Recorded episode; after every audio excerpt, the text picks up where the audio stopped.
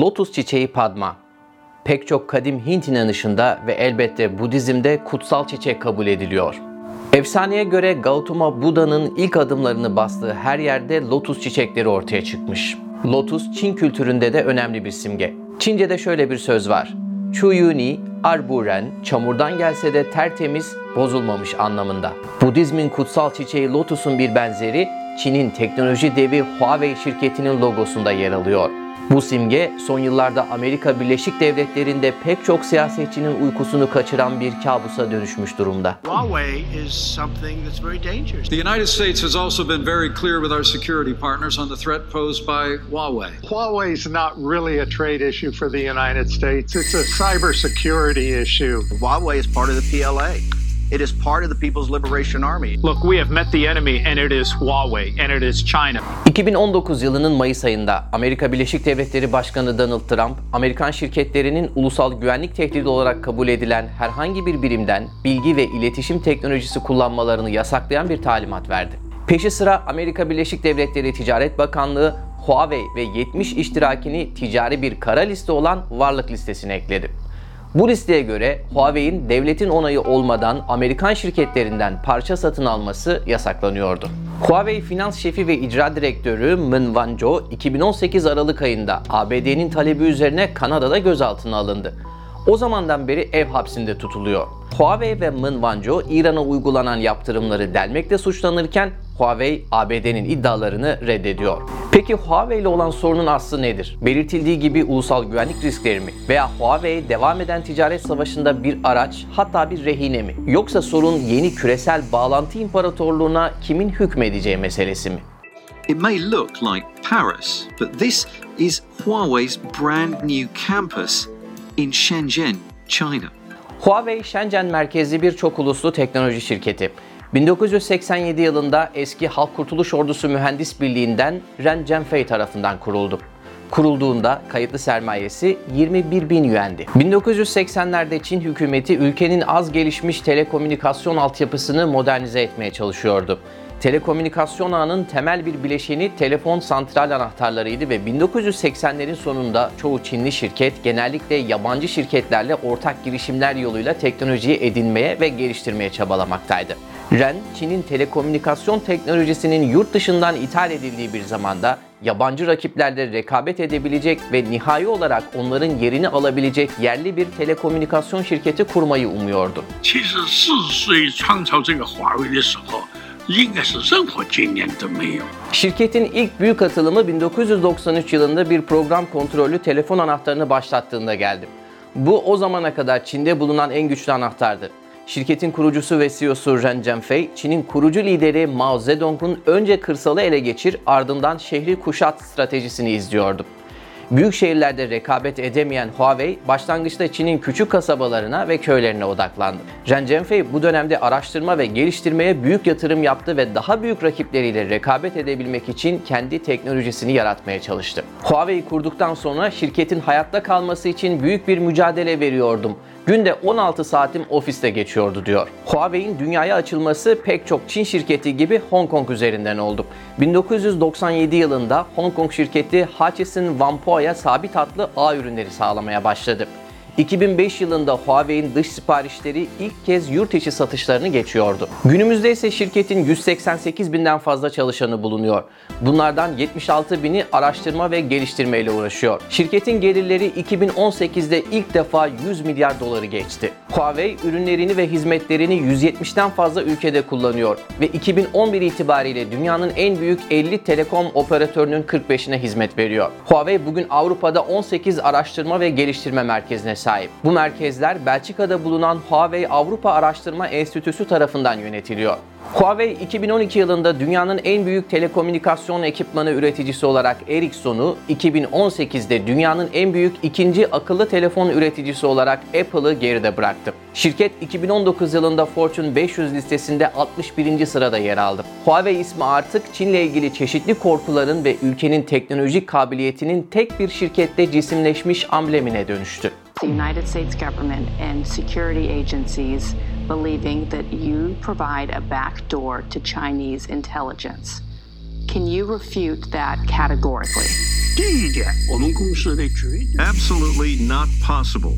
Huawei ile ilgili endişelerin bir kaynağı da şirketin elde edeceği verilerin Çin hükümetiyle paylaşılabilecek olması. Tüm Çinli şirketler ve vatandaşlardan hükümetin istihbarat çalışmalarına yardımcı olmalarını isteyen Ulusal İstihbarat Yasası kabul edildi. Çin bunun güvenliğini koruma çabasının bir parçası olduğunu iddia ediyor. Ancak korkunun kaynağı eğer Huawei herhangi bir ülkeye 5G ağı sağlıyorsa Çin hükümetinin bundan yararlanabilecek olması. Even if we were required by Chinese law, we would firmly reject that. Peki Huawei kelimesi ne anlama geliyor? Ve bu başarının arkasındaki isim Ren Zhengfei kimdir? 在我那个小时候，我在那个县呢，这个乡镇呢其实是很贫穷的。我们家庭就算好一点的，因为我们父母都是教师嘛。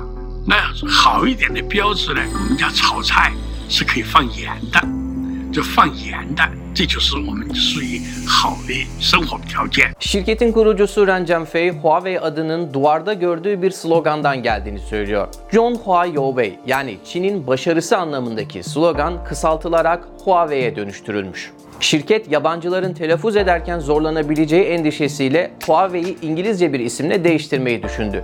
Ancak daha sonra orijinal ismin korunmasına karar verildi. Ericsson'un tahminlerine göre 2025 yılı sonunda 5G'nin dünya nüfusunun %65'ini kapsaması ve dünyada toplam mobil veri trafiğinin %45'ini oluşturması bekleniyor. Bu küresel ölçekte en hızlı gelişen mobil iletişim teknolojisi anlamına geliyor. 5G yeni bir teknolojik devrim olarak görülüyor.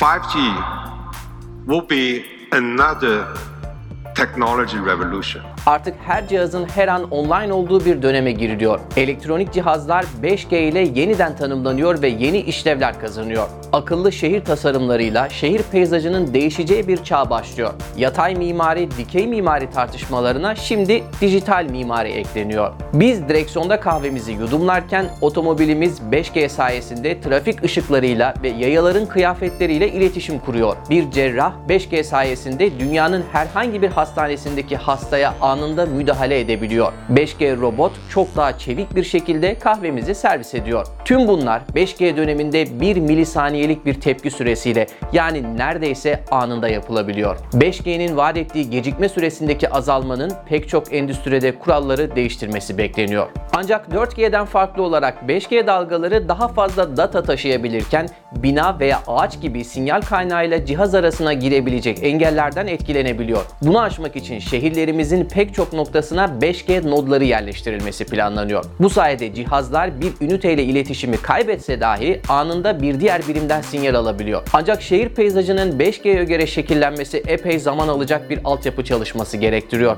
O nedenle 4G bir müddet daha hayatımızda olmaya devam edecek. Bu süreçte pilot bölgeler olarak belirlenen 5G mahalleleri ve şehirleri oluşacak. Yani bundan sonra ev alırken depreme dayanıklılığı kadar 5G kapsamında olup olmadığına da dikkat edeceğiz gibi görünüyor. Teknolojinin hızına yetişmek kolay değil. 5G konuşulmaya başlandı.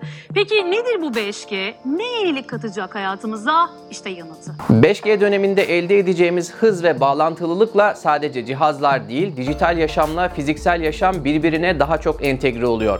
İşin özü, nesneler akıllılaşırken bizler dijitalleşiyoruz. Ve Huawei bu köklü değişimin tam kalbinde yer alıyor. So here at Huawei, we identify some common revolutionary changes the 5G may bring to us. And those changes will help us to figure out how to best use the 5G technology. With 5G, we will obviously go beyond the pipe. Şubat 2019 itibariyle Huawei 5G alanında en önemli standart patentleri elinde tutuyor. Peki bu patentler neden bu kadar önemli? Gelecekte ulaşım veya enerji gibi bağlantılılığa dayalı herhangi bir sektörün 5G patent telif ücretleri ödemesi gerekecek. Bu Huawei gibi birçok patenti olan bir şirketin 5G ağının gelecekteki gelişimi üzerinde önemli bir kontrole sahip olduğu anlamına geliyor. 这个我们不会受美国一点影响。我们在光这个系统上领先美国，是远远领先美国，是绝对领先美国，不需要美国任何。 President Trump spends a lot of time talking about Huawei, as do other U.S. officials. They're in good health, so they're not tired. Excuse me?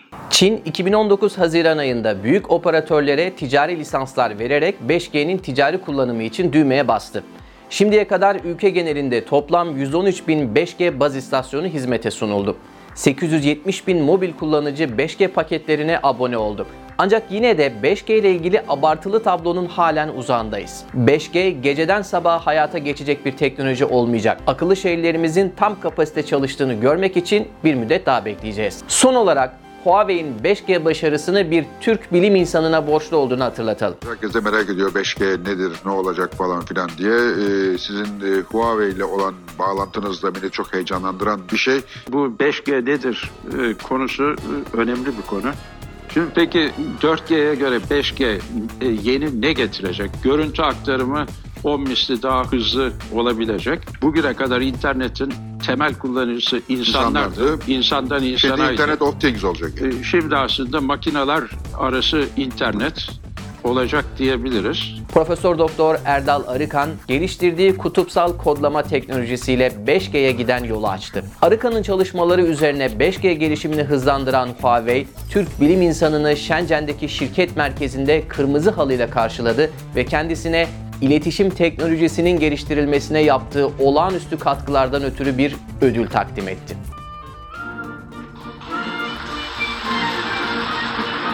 As Professor Erican enters the auditorium, he is met with a round of thunderous applause. Kutupsal kodlama belirli bir bant genişliğinde sıfır hatayla gönderilebilecek maksimum orana ulaşan dünyanın ilk kanal kodlama şeması. Erdal Arıkan'ın katkısı 5G için kodlama performansını önemli ölçüde artırıyor. Umalım ki Türk bilim insanlarının geliştirdiği bu gibi kritik teknolojiler yine ülkemizdeki yerli şirketlere esin kaynağı olsun ve Türkiye bilim ve teknolojide her zaman dünyanın bir adım önünde yürüsün. Kalın sağlıcakla.